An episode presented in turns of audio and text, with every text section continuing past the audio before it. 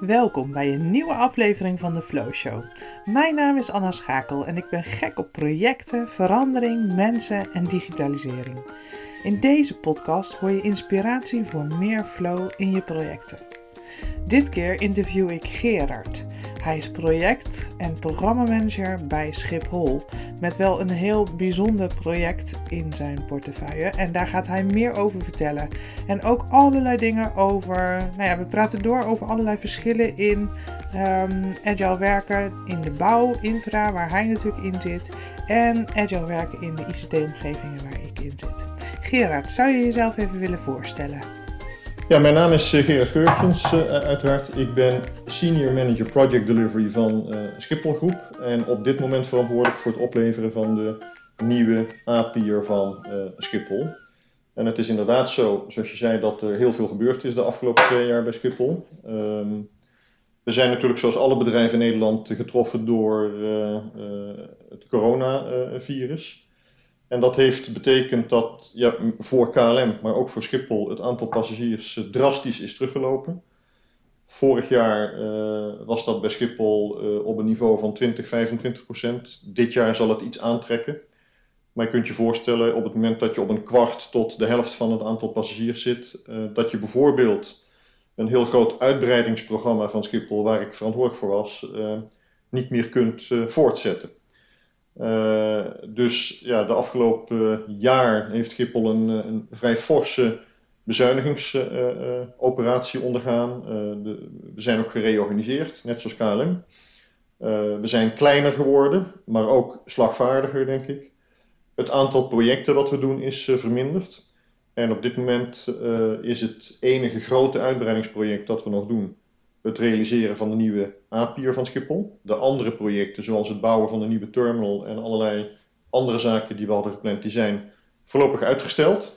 En die zullen weer worden opgepakt wanneer ja, Schiphol voldoende passagiers heeft om dat financieel te verantwoorden.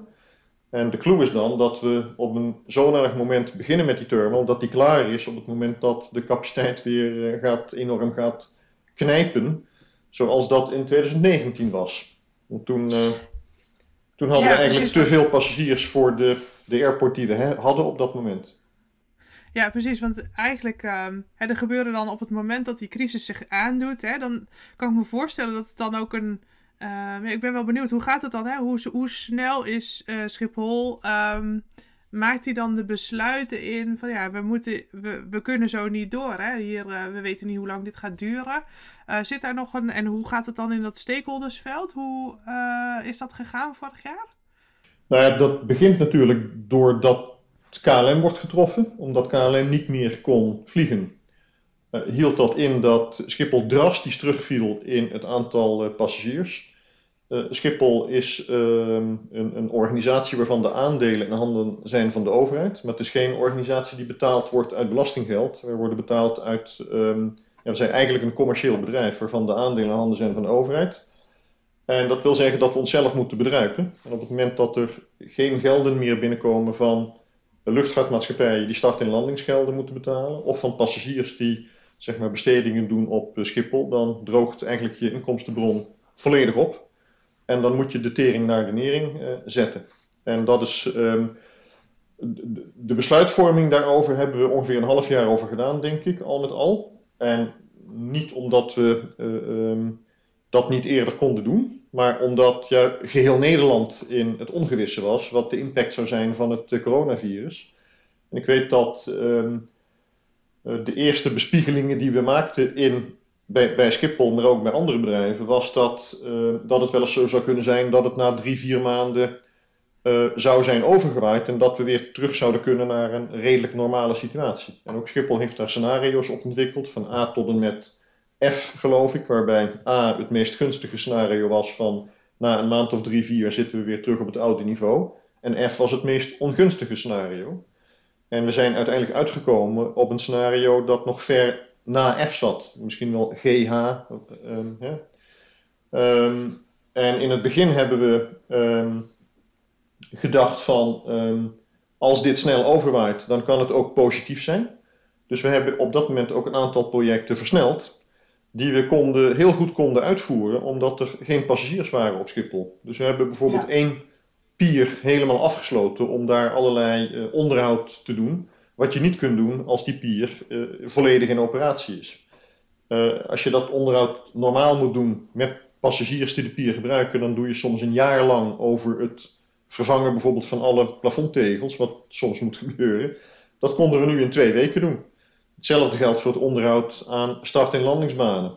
Je kunt niet zomaar een majeure of een, een, een, een kern start- en landingsbaan van Schiphol voor twee maanden stilleggen. Dat kon toen wel. Dus we hebben in een aantal maanden ook heel efficiënt uh, meer onderhoud kunnen doen, slimmer onderhoud kunnen doen dan normaliter had gekund met uh, alle, alle, alle 70 miljoen passagiers op Schiphol. Uh, daarna kwam steeds meer het besef dat corona niet na drie, vier maanden zou overwaaien, dat het wel eens heel lang zou kunnen gaan duren.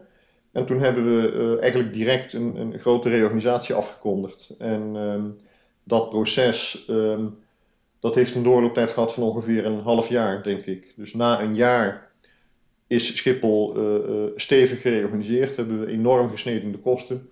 Er zijn helaas ook mensen ontslagen. Er zijn mensen op andere functies terechtgekomen. Er zijn heel erg veel externe contracten opgezegd. Dus um, ja, Schiphol is een organisatie van ruim 2000 mensen. Daar zijn 300, 400 mensen van afgegaan. Ja. En uh, ja, vele organisaties in de reis, transportsector, horeca, etc. Die, ja, die, die, die, hebben met hetzelfde te maken gehad. En ook KLM ja. heeft natuurlijk duizenden mensen moeten ontslaan, et cetera. Ja, ja, en het is natuurlijk in een, in, want een jaar tijd is dan ook relatief kort, hè? Dus dat al die gebeurtenissen elkaar dan opvolgen. Uh, je moet daar als projectorganisatie ook heel um, ja, flexibel in zijn. Hè? Je, moet, je moet continu aanpassingen doen aan je, waar je mee bezig bent, kan ik me voorstellen. Um, hoe gaat dat dan in zijn werk? Ga je, hoe, gaat, ja, hoe gaat dat dan bij jullie? Nou ja, je, je, aanpassen aan de omgeving en flexibel zijn, dat zit een beetje in het bloed van, van alle projectmanagers of alle projectmensen. Dat doe je eigenlijk voortdurend. Dat moet je elke dag doen. En soms moet je een majeure aanpassing in een project doen, omdat het totale project bijvoorbeeld wordt beëindigd of uh, gehalveerd of uh, later wordt uh, opgestart of, of wat dan ook. Um, ja, daar zijn ook, zijn ook vaste procedures voor in, in projectmanagement. Wat je moet doen op het moment bijvoorbeeld dat je een project halverwege stopt. Um, wat ik nog nooit eerder in mijn carrière gedaan heb, is een project, een sneltrein die in volle vaart is, stoppen. Omdat we besloten hebben om dat project uh, niet uh, door te zetten. Um, dus dat vergt, uh, daar heb ik heel veel van geleerd, want dat vergt weer bijzondere inzichten en ervaringen. Want een trein die in volle vaart is, die kun je niet binnen één dag stoppen. Dus op het moment dat je zegt van ja, dit project kost, ik noem maar iets, uh, uh, 10. En vandaag hebben we drie uitgegeven. En ik wil dus zeven besparen door vandaag te stoppen. Zo werkt dat niet in projecten. Die trein die dendert nog door. Dus voordat je echt bent gestopt, heb je niet drie uitgegeven, maar zeven. En dan heb je eigenlijk daadwerkelijk maar drie bezuinigd. En dan krap je jezelf achter de oren en zeg je ja, eigenlijk hadden we misschien beter het hele project toch kunnen afmaken, want we hebben maar drie bezuinigd.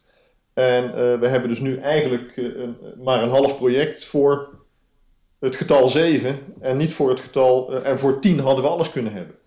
Als je dus, dus ja. dat soort um, inzichten, ja, dat is een, dat is een goede leerschool. Hè? Die, de, ja. die inzichten hebben wij geleerd met z'n allen.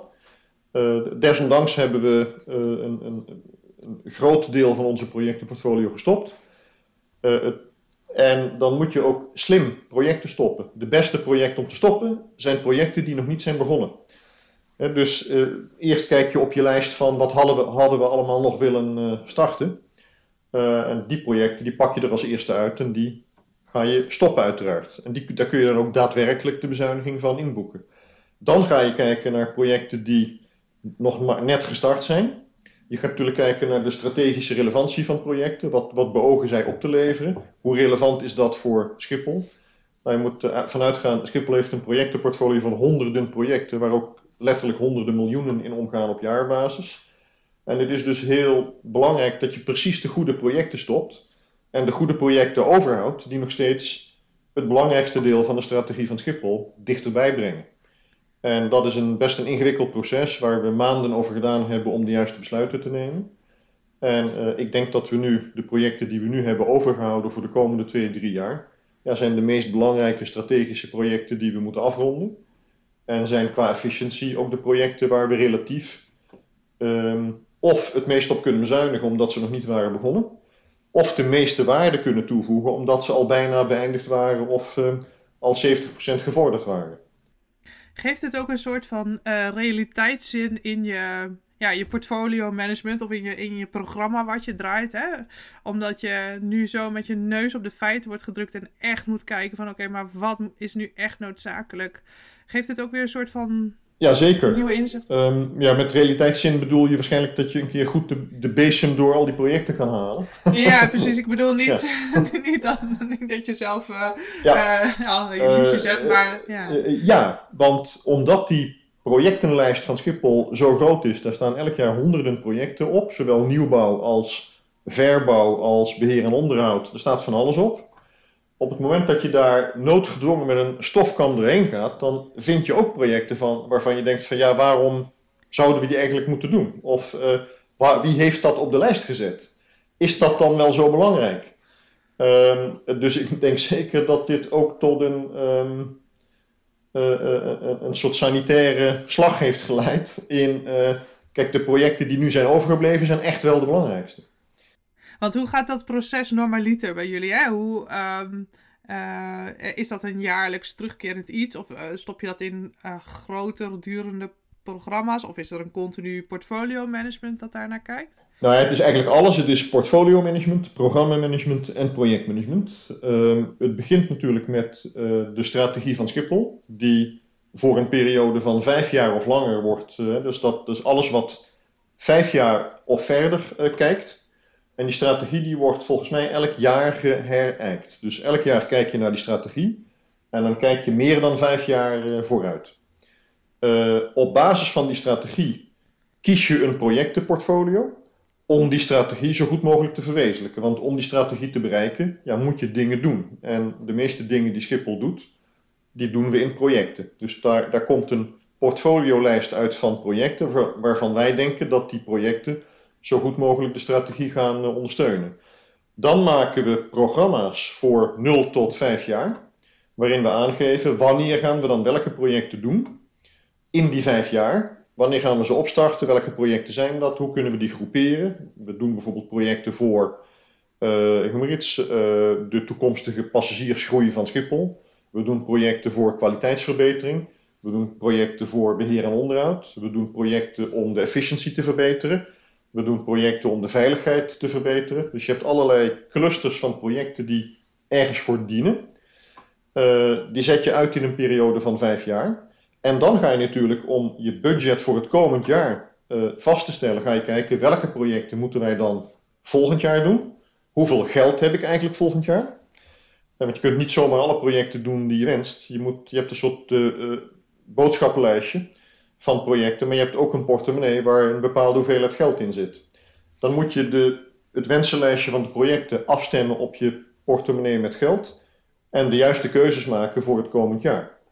En uh, de complexiteit daarbij is, en dat worden dan projecten die worden gemanaged door projectmanagers die verantwoordelijk zijn voor dat project.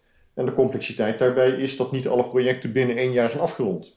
Er zijn natuurlijk ook projecten die drie jaar duren of vijf jaar duren die heel complex zijn en veel uh, geld kosten. Nou, die organiseren we dan in programma's met een projectdirecteur erop. En die komen elk jaar terug. En waar je voor moet, maken, voor moet waken is dat niet die grote projecten, omdat ze elk jaar terugkomen, uh, zeg maar uh, het, het gros van je geld opslokken.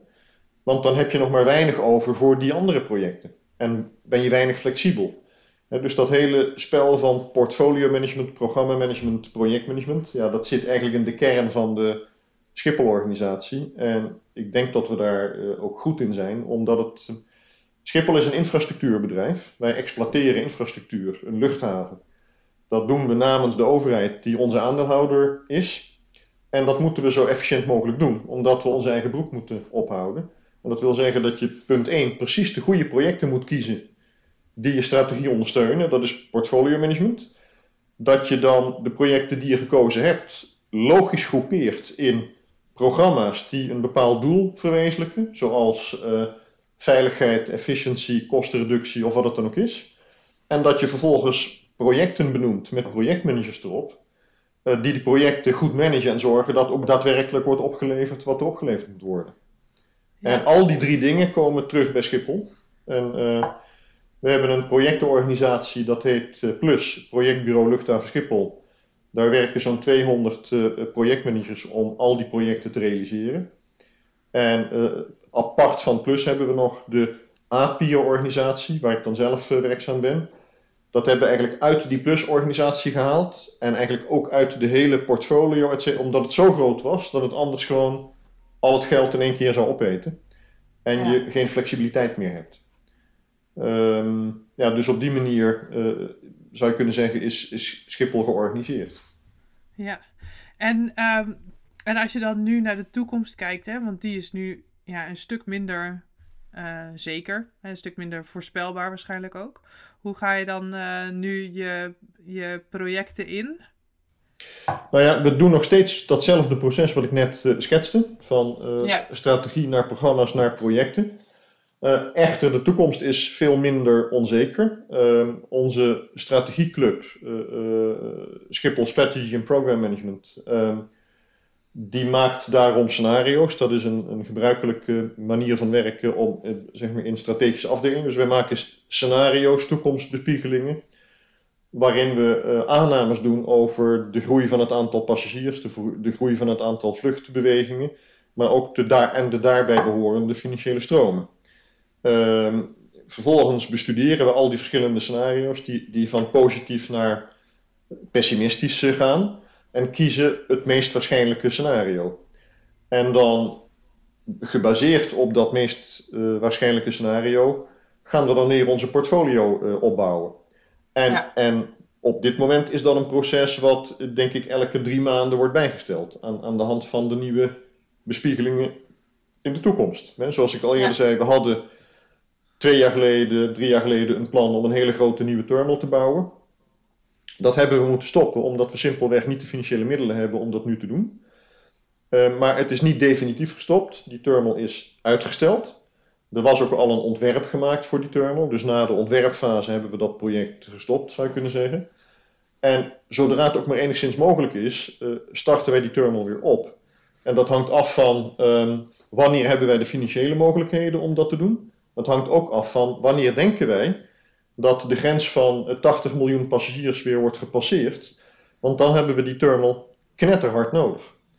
Omdat de reden om die terminal op te starten was dat in 2018-19 uh, er enorme capaciteitsknelpunten waren op Schiphol. Omdat eigenlijk Schiphol uh, uit zijn jasje gegroeid was. Hè. We, gingen, we waren op weg van 70 naar 80 miljoen passagiers, terwijl de huidige infrastructuur van Schiphol eigenlijk is uitgelegd op 40, 50 miljoen passagiers in de afgelopen ja. 10 jaar.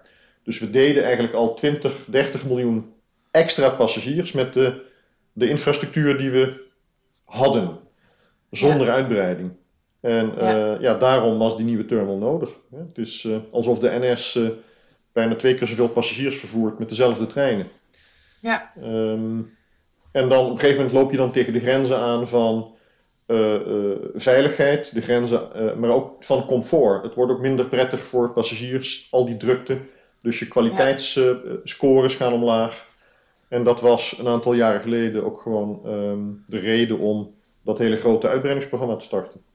Ja, ja, kan ik me heel goed voorstellen. En um, als je dan nu ook kijkt, we, we, hadden het van tevoren hierover, van waar gaan we het dus over hebben? Um, een stukje uh, stakeholders management kan ik me dan ook voorstellen dat je daar extra alert op moet zijn in, uh, in, een, in een periode waarin dus de dingen heel snel veranderen. Um, hoe, hoe ga jij normaliter om met stakeholder management en waar geef je nu extra aandacht aan?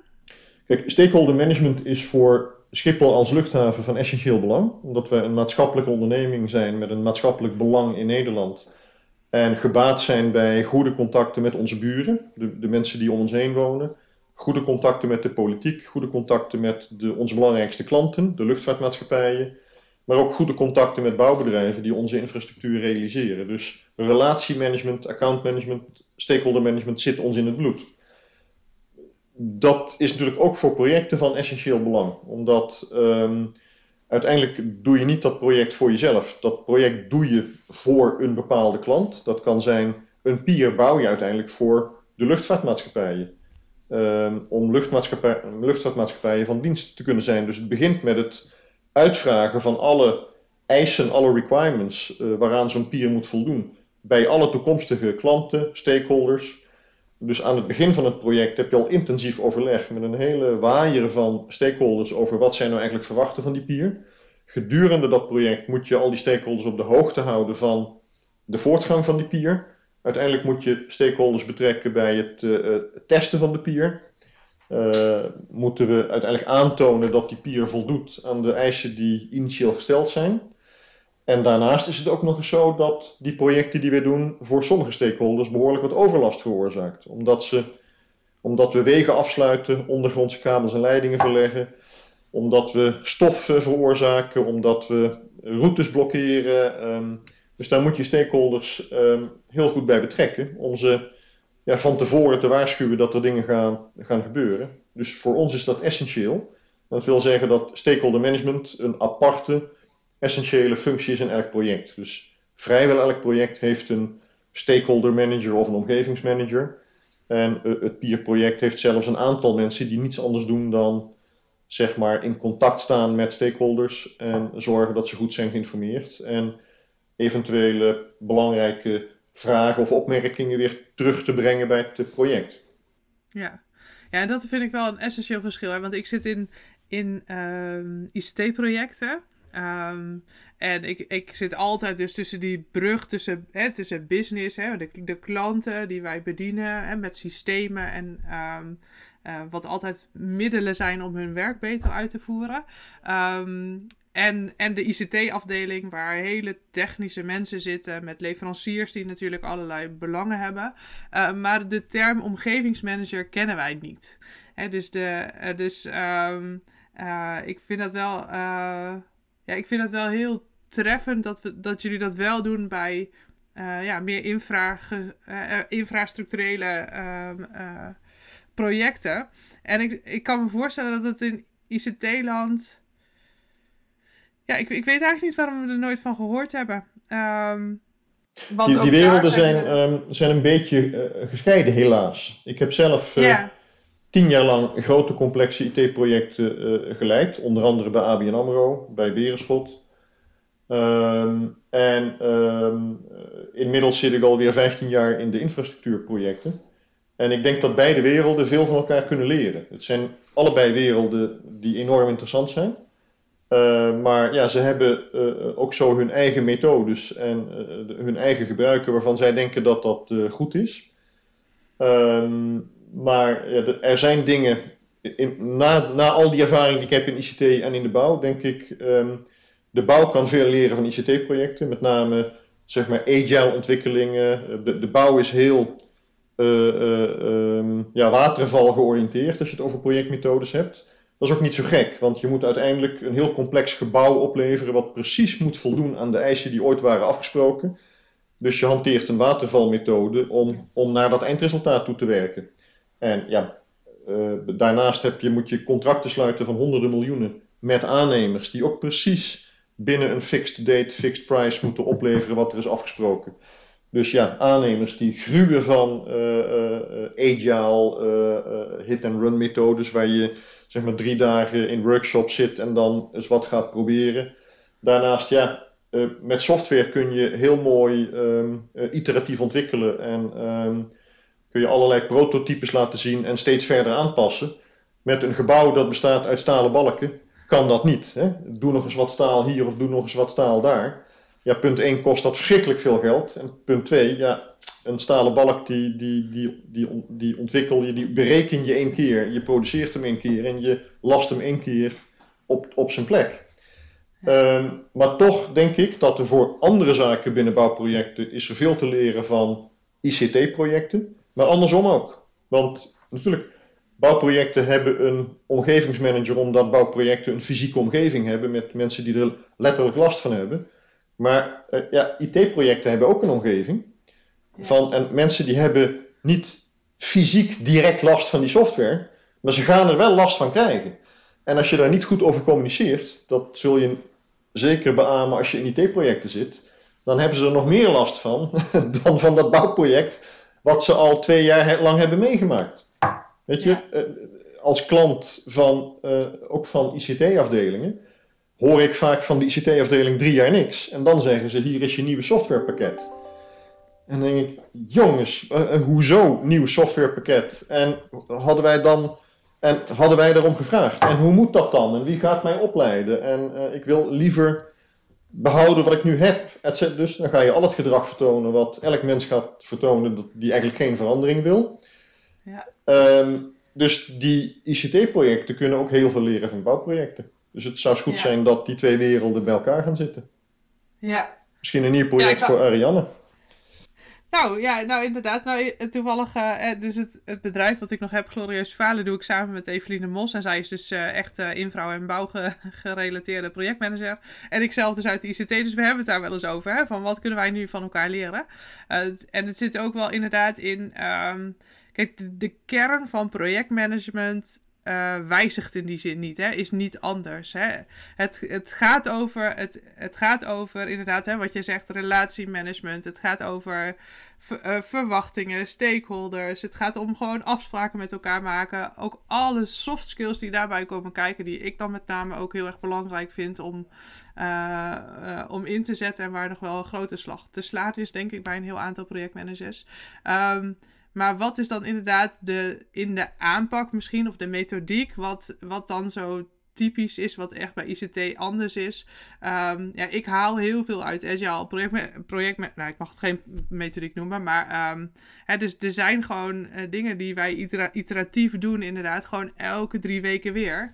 Um, ja, die, uh, die volgens mij in een, ook in een, in een infrastructureel project uh, Ja, wat, wat wij doen is de Agile-methode. Volgens mij is Agile PM inmiddels ook een me methode. Maar, ja, dat wordt steeds meer. Uh, wat wij op een Agile manier doen is ehm, korte termijn problemen oplossen in, in projecten. Elk groot bouwproject heeft wat wij noemen tijdelijke maatregelen. Je moet bijvoorbeeld tijdelijk een weg omleggen. Of je moet uh, een hele ingewikkelde staalconstructie uh, tot stand brengen in de, in, in de nachtelijke uren, omdat je dat overdag niet kan doen op een operationele airport. Dus uh, elk heel groot bouwproject heeft heel veel mini-projecten. Hoe leggen we deze weg om? Met zo weinig mogelijk overlast voor het verkeer en de overige gebruikers. Wanneer doen we dat precies? Dus al die projecten van wij moeten nu als team binnen twee weken met een plan komen hoe we die weg gaan omleggen dat doen we ook uh, iteratief uh, in workshops, ja. et cetera. Dat is in feite ja. Agile PM, waarbij we ja. iedereen in een, in een ruimte bij elkaar zetten, zelfs nu nog. Maar dan is het gewoon de kantine met overal uh, twee meter afstand tussen. En dan blijven we net zo lang in die kantine tot er een oplossing is voor het probleem. Dan gaan we dat testen, simuleren buiten. Dan koppelen we dat de volgende dag terug en zeggen, nou dat zou kunnen zijn, maar we moeten nog wat aanpassingen maken. In feite is dat hetzelfde. En ja. um, ik zeggen, um, heel veel mensen denken dat Prins 2, een, een, een, methode die ik zelf heel prettig vind, dat dat een IT-methode is, of dat die vooral in de ICT-wereld wordt gebruikt. Schiphol gebruikt hem ook voor bouwprojecten. En wat maar weinig mensen weten is dat Prins 2 een, um, een, een van de meest gebruikte projectmanagementmethodes ter wereld is ontwikkeld door OGC, de Office of Government Commerce in, in, in Engeland. En is een jaar of 20, 30 geleden ontstaan vanuit een best practices eh, verzameling vanuit bouwprojecten. En uh, dus Prins 2 is ontstaan in de bouw, niet in de ICT.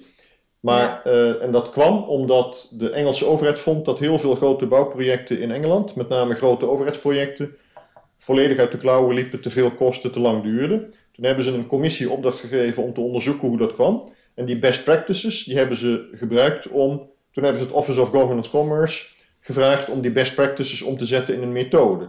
Dat hebben ze gedaan, dat is Prins 2 geworden. En de ICT-wereld, waar op dat moment de projecten ook niet heel florisant liepen, die hebben als eerste die methode omarmd om te gebruiken om hun projecten te verbeteren. En niet de bouw, merkwaardig genoeg. Want de bouw vond, ja, uh, weet je, dat is niet van ons. Oh, wat grappig, dat wist ik helemaal niet. Ja, en daarom is hij dus eigenlijk ook heel goed toepasbaar in de bouw. En Schiphol doet niet anders. Alle, al onze projecten worden volgens Prins 2 gemanaged. Ja. De bouwprojecten en ook die CT-projecten overigens. Ja, nou en dat is wel een beetje wat ik, wat ik vind rond de hype van agile werken. Um, kijk, ik denk dat er voor een heel aantal ICT-softwareontwikkel trajecten heel erg geschikt is. Maar ook binnen de ICT is het nog heel erg fijn om, zeker als je het dan hebt over, over de ICT-infra, dus de, de, uh, de servers die je nodig hebt en alle inrichtingen en dergelijke en alle verbindingen, om dat gewoon in een Prince 2 methodiek hè, of een waterval of hè, wat je dan ook kiest, om, om het gewoon zo uit te voeren. Uh, daar heb je, heb je helemaal geen agile werken voor nodig, want daar, daar zijn geen variabelen in. Het is niet zo complex. Uh, je hoeft niet van allerlei. Hey, je weet inderdaad wat je eindproduct is, dus je kunt dat gewoon zo toepassen. Absoluut. Um, maar agile werken vind ik wel. Um, het is natuurlijk wel redelijk gehyped in die zin. Ehm, dat men zegt, ja, maar dat kun je echt overal toepassen. En ik vind echt dat je daar een keuze in moet maken aan het begin van je project. Zeker. Van, ja, welke, welke aanpak gaan we nou voor? Hoe kom jij tot zo'n aanpak? Hè? Dus hoe bepaal jij um, welke dingen je gaat inzetten? Ja, dat, uiteraard hangt dat af van het project uh, dat je gaat doen en de omgeving waarin je uh, functioneert. Ik denk, ten eerste moet je uh, onderscheid maken in managementmethodieken en uitvoeringsmethodieken. Uh, uh, je moet je realiseren. Kun je dat uitleggen? ja, kijk, Prins 2 is een managementmethodiek. Waarom? Prins 2 regelt vooral het communicatieverkeer tussen de projectmanager en de stuurgroep. Um, en regelt een heel klein beetje het communicatieverkeer tussen de projectmanager en zijn team. Op het niveau van teammanagers. Uh, maar is vooral gericht op hoe moet die projectmanager de stuurgroep uh, te woord staan. en hoe moet die projectmanager projectplannen maken, presenteren aan de stuurgroep. En hoe geeft de voorzitter van de stuurgroep zijn akkoord op al die plannen van de projectmanager. En wat doet die projectmanager dan precies bij faseovergangen. hij maakt dan een project brief en een project pit. Maar dat gaat allemaal naar die stuurgroep met een executive en een senior user en senior supplier. Die moeten daar besluiten over nemen. En 80% van Prins 2 gaat over de communicatie. Hoe, hoe is het, uh, het de communicatie tussen de projectmanager en de stuurgroep? Hoe vervolgens die projectmanager met zijn team het echte werk moet doen, dat hangt af van, dat noem ik dan een uitvoeringsmethode. En dat hangt natuurlijk af van wat voor project is het, een bouwproject, ICT-project of uh, marketingproject. In welke omgeving zit je, hoeveel geld heb je, et cetera. En er kunnen meerdere uitvoeringsmethodes zijn die vaak bedrijfsspecifiek zijn. Uh, en dat zijn heel vaak stappenplannen hoe, hoe wij dingen doen. Uh, ik, Volvo of uh, fabrieken zullen absoluut uitvoeringsmethodieken hebben voor hoe je een auto bouwt. Tot in detail. Dikke handboeken, dat zijn uitvoeringsmethodieken. Methodieken zijn uh, bij het bouwen van een auto overigens, of bij het besturen van een vliegtuig, zijn methodieken heilig. En behoor je er geen millimeter van af te wijken. Waarom? Die methodieken zijn best practices en gebleken is, als je precies die stappen volgt, zonder ook maar één afwijking, dan lever je uiteindelijk een auto op die 100% veilig is en aan alle specificaties voldoet, et cetera. En je moet je toch niet voorstellen dat uh, de werkers van BMW bij elke type BMW wat ze opleveren, hun creativiteit te kunnen toepassen en kunnen zeggen, joh, vandaag doen we het net een beetje anders. En dat remsysteem, dat, uh, gaan we vandaag een beetje anders doen. On, dat is onacceptabel, kan niet. um, bij die managementmethodieken moet je altijd je verstand gebruiken. De methodiek is nooit een doel op zichzelf. Je doet een project om klanten gelukkig te maken, om een resultaat op te leveren. Niet om een hele mooie reeks van rapporten uiteindelijk in je kast te, kunnen zetten. Dus um, veel mensen vinden Prins 2 bureaucratisch, omdat je zoveel papier moet produceren. Maar dan zeg ik tegen die mensen terug, ja, dan heb je Prins 2 niet begrepen. Het, het doel van Prins 2 is niet om papier te, uh, te produceren. Ik zou er zelfs een bureaucratisch antwoord op kunnen geven, te zeggen, ik geloof in hoofdstuk 11 van Prins 2 gaat het over customization. Elke verschillende, je, moet die methode customizen op elk project. Maar um, Prins 2 is in feite een soort menukaart, een soort afvinklijst van punten die in de afgelopen uh, eh, 30 jaar heel belangrijk zijn gebleken bij het opleveren van succesvolle projecten. Dus wat een ervaren projectmanager moet doen, is hij moet die elementen uit die menukaart halen, waarvan hij of zij denkt dat die uh, goed kunnen bijdragen aan het uh, controlen, organiseren van zijn huidige project en het opleveren van het resultaat. Dus ik gebruik helemaal nooit zeg maar, de totale waaier aan Prins 2 documenten en risicoanalyses, et cetera. Ik haal eruit waarvan ik denk dat dat voor mijn specifieke project uh, uh, goed is. En natuurlijk heb ik een soort minimale basis um, set die altijd in het menu zit. Ik maak altijd een project brief, want ik wil een, een goede opdracht hebben van mijn stuurgroep. Ik maak altijd een project initiation document, want ik heb geld nodig en een tijdlijn, et cetera. Maar ik, uh, ik doe niet altijd uh, een issue log en een risicolog. Ik heb alleen een risicolog. Uh, ik doe niet altijd de stakeholder-analyse die in Prins 2 staat. Met, dan gaan we eerst alle stakeholders inventariseren, dan kijken wat hun belang is, dan zetten we dat in een matrix, dan gaan we nog dit en dit en dit doen. Ja, en ik weet namelijk al tien jaar wie mijn stakeholders zijn en hoe ik ermee moet omgaan. Dus ik maak eigenlijk direct een communicatieplan. Enzovoort, enzovoort, enzovoort. Um, dus je moet het, um, een, een, methode is nooit een doel op zich, een managementmethode. Uh, die moet je slim toepassen en aanpassen aan jouw eigen project. En uh, ik zeg altijd, een ervaren projectmanager die staat boven de stof. Die wordt niet bang van de methode, die gebruikt die methode als een soort menukaart, haalt eruit wat hij nodig heeft. En uh, ja, al, als je wat jonger bent, minder ervaring hebt en je hebt eigenlijk nog nooit een project um, gedaan, dan heb je de neiging om de hele menu lijst van A tot Z te volgen.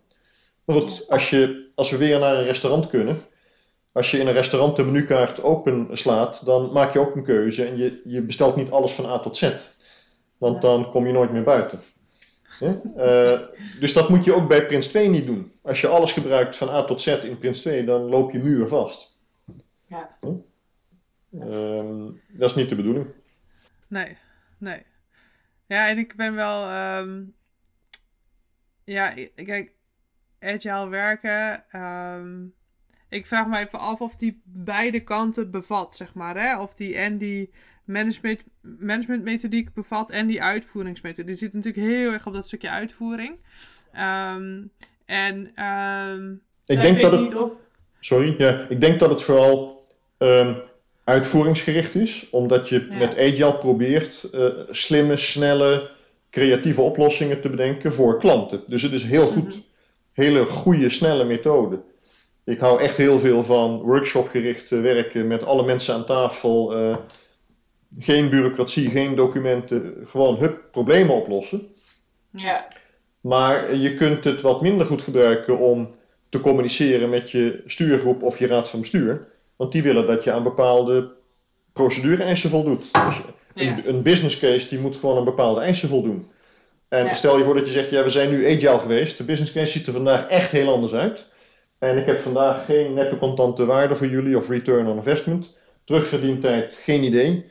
Uh, en ja, de plussen en de minnen ook geen idee. Maar ik heb wel, ja, dat kan natuurlijk niet. Nee. Nee, dat is ook wel waar ICT-projecten wel tegenaan lopen hoor. Um, want uh, je gaat natuurlijk meer naar SAFe, hè, dus de, de, de Skilled Agile uh, frameworks. Um, daar worden natuurlijk wel de business cases in gemaakt. Um, hè, maar vaak worden die ook gewoon vastgepind op. Hè. Nou, nou, er is dus gewoon zoveel beschikbaar. En hier ga je waarde voor leveren. En die waarde gaat deze kant op. En dit zijn de mensen die daar gaan, gaan uh, bepalen wat, welke waarden zij willen hebben. Uh, maar dat is, ik vind dat nog wel steeds, het, is, het blijft heel lastig voor het hogere management om dat uh, soort van los te laten. Hè, dus dat daar, dat daar niet van tevoren vast ligt wat ze exact gaan krijgen. En dat, dat is wel echt een uitdaging in. Zeker, in maar ik zeg, agile en voornamelijk iteratief werken met prototypes, et cetera, is natuurlijk wel heel erg goed om je hogere management, maar ook je gebruikers, snel iets, iets tastbaars te laten zien. Want het probleem van IT-projecten is dat je software niet kunt laten zien. Ja, je kan een schermpje laten zien. Ja. Uh, maar het probleem is dat mensen zich er zo weinig bij kunnen voorstellen.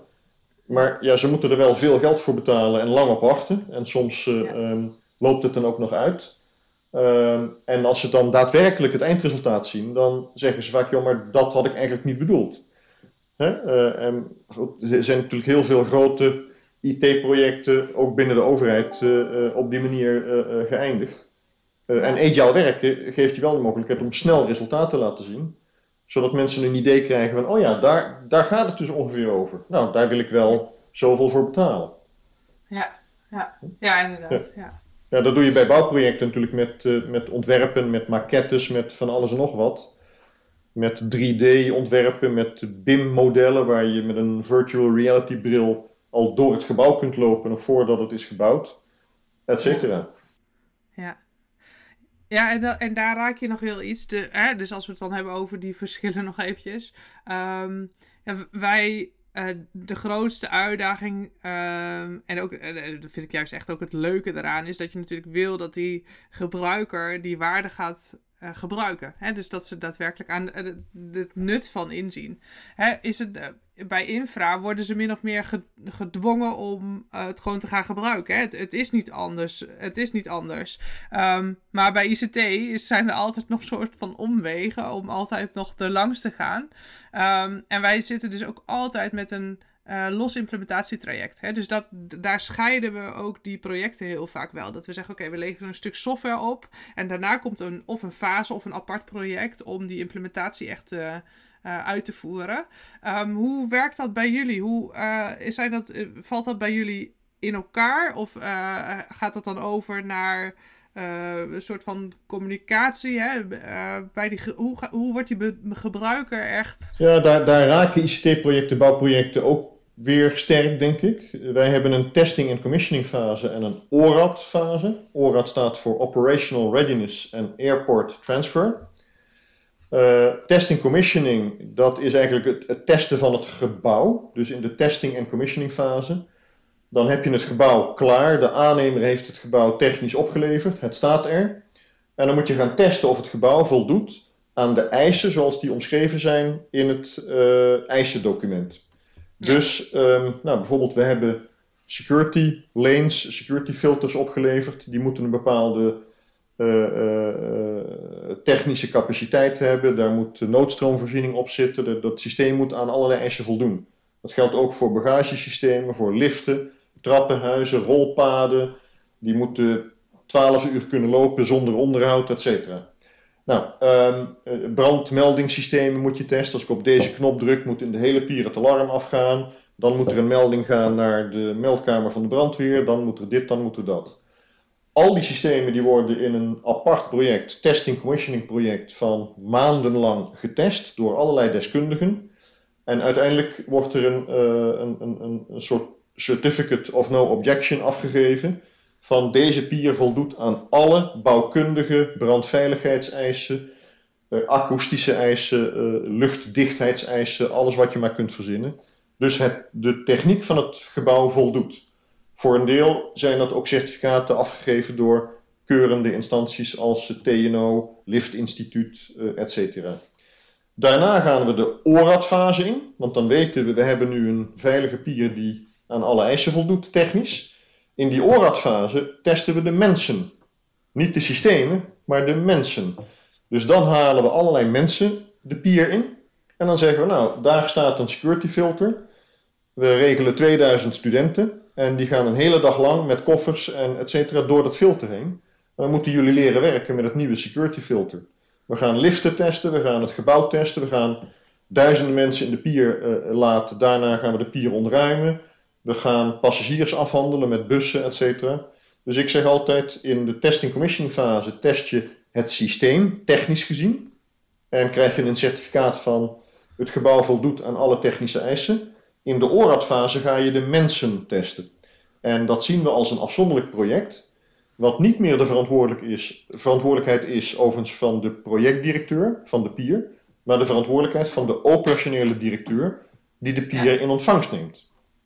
Dus dat is in dit geval de directeur operations van Schiphol, die er een hele nieuwe pier bij krijgt, waar die 7 miljoen passagiers extra in kan afhandelen. En hij moet zijn of haar mensen gaan uh, leren om die nieuwe pier te gebruiken. En dat doe je in de ORAD-fase. En die mensen die kunnen heel veel opmerkingen hebben over die pier. Zeggen, joh, dit functioneert niet, dat functioneert niet, dat werkt niet, dat is slecht, dit kan beter. Daar komt een gigantische waslijst uit. Dat gaat weer terug naar het project. Dan maken wij een schifting van zaken die we absoluut noodzakelijk moeten opleveren, omdat anders de pier niet in operatie kan. Dus die moeten wij nog snel regelen. En er komt een hele, uh, ja, dat noemen we een snacklist in het Engels, een hele waslijst uit van punten die nog een keer moeten worden opgelost met een bepaalde prioriteit om die pier makkelijker te maken. Nou, dit, dit lijkt wel iets op ICT-projecten, maar daar gaat het anders, weet ik. Ja, ja, nou ja, wij kennen het, ik denk wel dezelfde soorten fases. dus wij kennen inderdaad uh, de acceptatiefase waarin je alle uh, eisen uh, afgaat. En dat gaat om security, net zo goed om security. En om allerlei non-functionele eisen ook, maar ook om functionele eisen. Daar is al wel, de gebruiker wordt daar al wel vrij snel in betrokken. Dus in die eindfase van die acceptatiecriteria, waarin alles opgeleverd wordt, daar zit de gebruiker al wel in. En dan met name de proceseigenaar die dat inderdaad uh, uiteindelijk in zijn, uh, uh, in zijn portefeuille krijgt. Um, en dan die implementatiefase gaat echt over uitrol. Hè? Dus dat gaat echt over inderdaad mensen trainen en ja, zorgen dat de adaptatie van het nieuwe systeem goed lukt en de, de, de proce proce processen ondersteunt zoals bedoeld is. Ja. Ja, het zou een leuke ja. afstudeerstage of scriptie zijn. Uh, misschien een oproep aan de studenten die dat boek lezen of deze podcast beluisteren. Om zo'n ja. vergelijking te maken tussen ICT-projecten en bouwprojecten qua aanpak en fasering en wat die van elkaar kunnen leren. Ja, en, zeker. Uh, ja. ja, zeker. Zou zeker een leuke opdracht zijn. Ja. Nou, ik denk dat we een beetje aan het einde komen van, uh, van deze podcast. Ik zit even naar de tijd te kijken, maar volgens mij zijn we al bijna drie kwartier inderdaad bezig. Nou, ik heb altijd aan het einde heb ik nog een vragenvuur, zoals ik dat noem. En ik heb voor jou uh, twee vragen die ik jou gewoon ga stellen, uh, waar ik wel benieuwd naar ben. Ik ben benieuwd naar uh, wie of wat jou inspireert of geïnspireerd heeft tijdens jouw carrière. Oh, wauw. Um, wat mij inspireert is mensen die heel veel energie hebben en pragmatisch zijn. En dat zijn niet mijn bazen of, uh, of uh, leden van de raad van bestuur, maar dat zijn eigenlijk mensen in projecten. Er zit nu ja. iemand in mijn project die heeft, um, die heeft zoveel energie, zoveel passie en zoveel doorzettingsvermogen dat die, uh, um, ja, die kreeg de diagnose darmkanker bijvoorbeeld een half jaar geleden. En die heeft een operatie ondergaan, die was binnen twee weken weer op het werk. En die gaat als een raket tekeer. En die lost elke dag twee problemen op. Die is niet te stoppen. Uh, dat, dat soort mensen inspireert mij enorm. Ja, uh, en mooi. zo heb ik er een aantal zeg maar, in mijn carrière mogen meemaken. En daar heb ik heel veel uh, waardering voor, heel veel respect voor. Ja, mensen mooi. die zoveel passie hebben dat ze gewoon niet te stoppen zijn in wat ze doen. Ja. Ja. Ariane ja. zelf is ook iemand. Ik denk, ja, waar haalt zij ja, in hemelsnaam de energie vandaan om alles te doen wat ze doet? Boeken schrijven, triathlons lopen, weet, ik, ik kan het gewoon niet opnoemen. Ik denk, joh, hou eens op, doe eens wat minder druk. Keukens verbouwen, ik weet het allemaal niet. Ja, neem eens een beetje rust. Ja, ja, ja. maar dat is, wel, dat is wel goed dat het al die, al die mensen in het team zitten. Hè? Dat houdt het ook wel in balans en... Uh, uh, kan je er zeker uh, in projecten heel erg helpen. Die mensen die tomeloze energie hebben, zeker waar. Um, mijn tweede vraag is: wat is je best besteden uur in jouw project of programma? Uh, best besteden uur over de afgelopen 30 jaar of, of per dag? Ja, als je dan één, één uur mag besteden in jouw project, waar zou je dat dan aan besteden? Dat moet je altijd aan mensen besteden. Daar hoef ik geen seconde over na te denken. Elk project wordt gemaakt door mensen. En wat ik nog heel vaak zie, uh, zeker ook in internationale projecten. Onze Anglo-Saxische collega's, die, ik zeg altijd, die sturen heel graag op papier, op objectives, die sturen graag op rapporten. Dus die besteden heel veel energie aan het rapporteren over alle problemen die we hebben. Maar ze hebben aan de voorkant niemand die het probleem oplost, want dan hoeven we er ook namelijk niet meer over te rapporteren.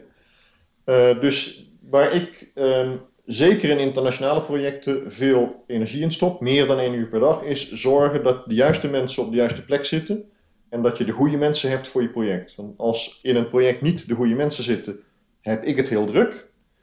Als ik in dat project heel veel mensen heb, zoals de man die ik net noemde, dan kan ik op vakantie zonder dat dat project uh, schade oploopt. En ehm, ja, daar, ik zet heel veel druk op externe partijen, andere culturen, et cetera, om die mensen, als het niet goed is, te wisselen. En ik hou niet op totdat dat gewoon geregeld is. En tot ik een, wat ik noem, een topteam heb. Als ik dan dat topteam heb, dan kan ik zelf de krant gaan lezen. Wat ik nooit doe, want dat vind ik minder interessant dan een project doen. Maar uh, mensen in een project, projecten worden gemaakt door mensen. Dus als je als beginnend projectleider op pad wordt gestuurd met een team wat niet goed is voor jouw project, ja, dan ben je kansloos. Ja. En dat is ook wel iets dat je, dat je, tenminste dat is mijn ervaring, dat ik dat door ervaring heb moeten leren. Hè, van wat vind ik nou belangrijk aan mensen die ik in mijn project heb? Uh, voor welke, um, ja, kijk, ik kan nu na een heel aantal jaren inderdaad zeggen van oké, maar als ik zo'n soort project ga draaien, dan heb ik dit soort mensen nodig. Um, en dan kun je dat natuurlijk sneller inschatten en dan, dan, kun je sneller de angel eruit halen, om het zo maar te zeggen. Um, maar ik kan me voorstellen dat het voor beginnende projectmanagers echt wel een uitdaging is. Hè? Want die komen er misschien halverwege pas achter van, oh ja, dit werk, werkt dus eigenlijk helemaal niet. Uh, of of hoe, ga ik, hoe ga ik dit nou aanpakken? Want ja, nu zitten we er al zo diep in. Um, dus dat is, uh, maar ja, ook dat gaat over uh, gelijk aan het begin heel veel energie stoppen in mensen leren kennen. In uh, zorgen dat je doorgrondt uh, welke rollen je allemaal nodig hebt. En, um, ja, en die mensen dan inschatten en uitvragen van ben jij inderdaad de geschikte persoon. Ja, ja. ja ik heb ooit, en je moet heel veel fouten maken en leren. Want na mijn eerste project heb ik namelijk gezworen dat ik nooit meer een project zou doen. nou, dan wil ik nog wel eens horen. Vertel. nou ja, dat was. Um, toen was ik een jaar of 7, 28 en dan moest ik de verhuizing regelen van het kantoorpand waar we zaten naar een ander kantoorpand. En dan moet je aan alle mensen gaan vragen wat ze dan willen in het nieuwe pand en waar ze willen zitten en welke bureaus, et cetera. Dat is een totaal fiasco geworden. Waarbij iedereen iets anders wilde en helemaal niemand tevreden was met zijn nieuwe plek. En uh, nou, dat is een totaal drama geworden. Uh, ik had nog nooit van projectmethodieken gehoord of ik was er gewoon maar aan begonnen. En uh, achteraf hoorde ik dat wat ik gedaan had eigenlijk een project was. Het was totaal mislukt. En ik zei, nou dat ga ik nooit meer doen. Nee. nou ja. ja, daar leer je een hoop van. Ja, zeker. Ja. zeker. Ja. ja. ja. Nou, uh, dankjewel Gerard. Um, ik ben, uh, nou ik en misschien de luisteraar is nog wel benieuwd naar um, hoe ze eventueel jou kunnen bereiken. Mochten ze gewoon eens met je in gesprek gaan of uh, willen gaan of een vraag voor je hebben. Hoe kunnen ze jou het beste benaderen? Het beste per mail, want ik heb tegenwoordig zoveel kanalen waarop ik bereikbaar ben. Maar die mail die heb ik altijd aan, dag en nacht. Het mailadres wat ik jou net stuurde, geurtjens_v.schiphol.nl ja, en dan uh, kunnen we een afspraak maken, bellen of kan ik per mail een, antwoord geven op een uh, vraag, et cetera. Ja, helemaal leuk. Dankjewel. Ik vond het een heel interessant gesprek. Ik heb een nieuw kijkje gekregen in, uh, in infrastructurele projecten. En um, ik denk dat dit ook voor alle mensen die het boek van Ariane lezen echt een toevoeging is om te beluisteren. Dank je wel daarvoor. En uh, nou, aan alle luisteraars, ik hoop jullie uh, snel weer te horen of te zien. Ehm, tot de volgende keer.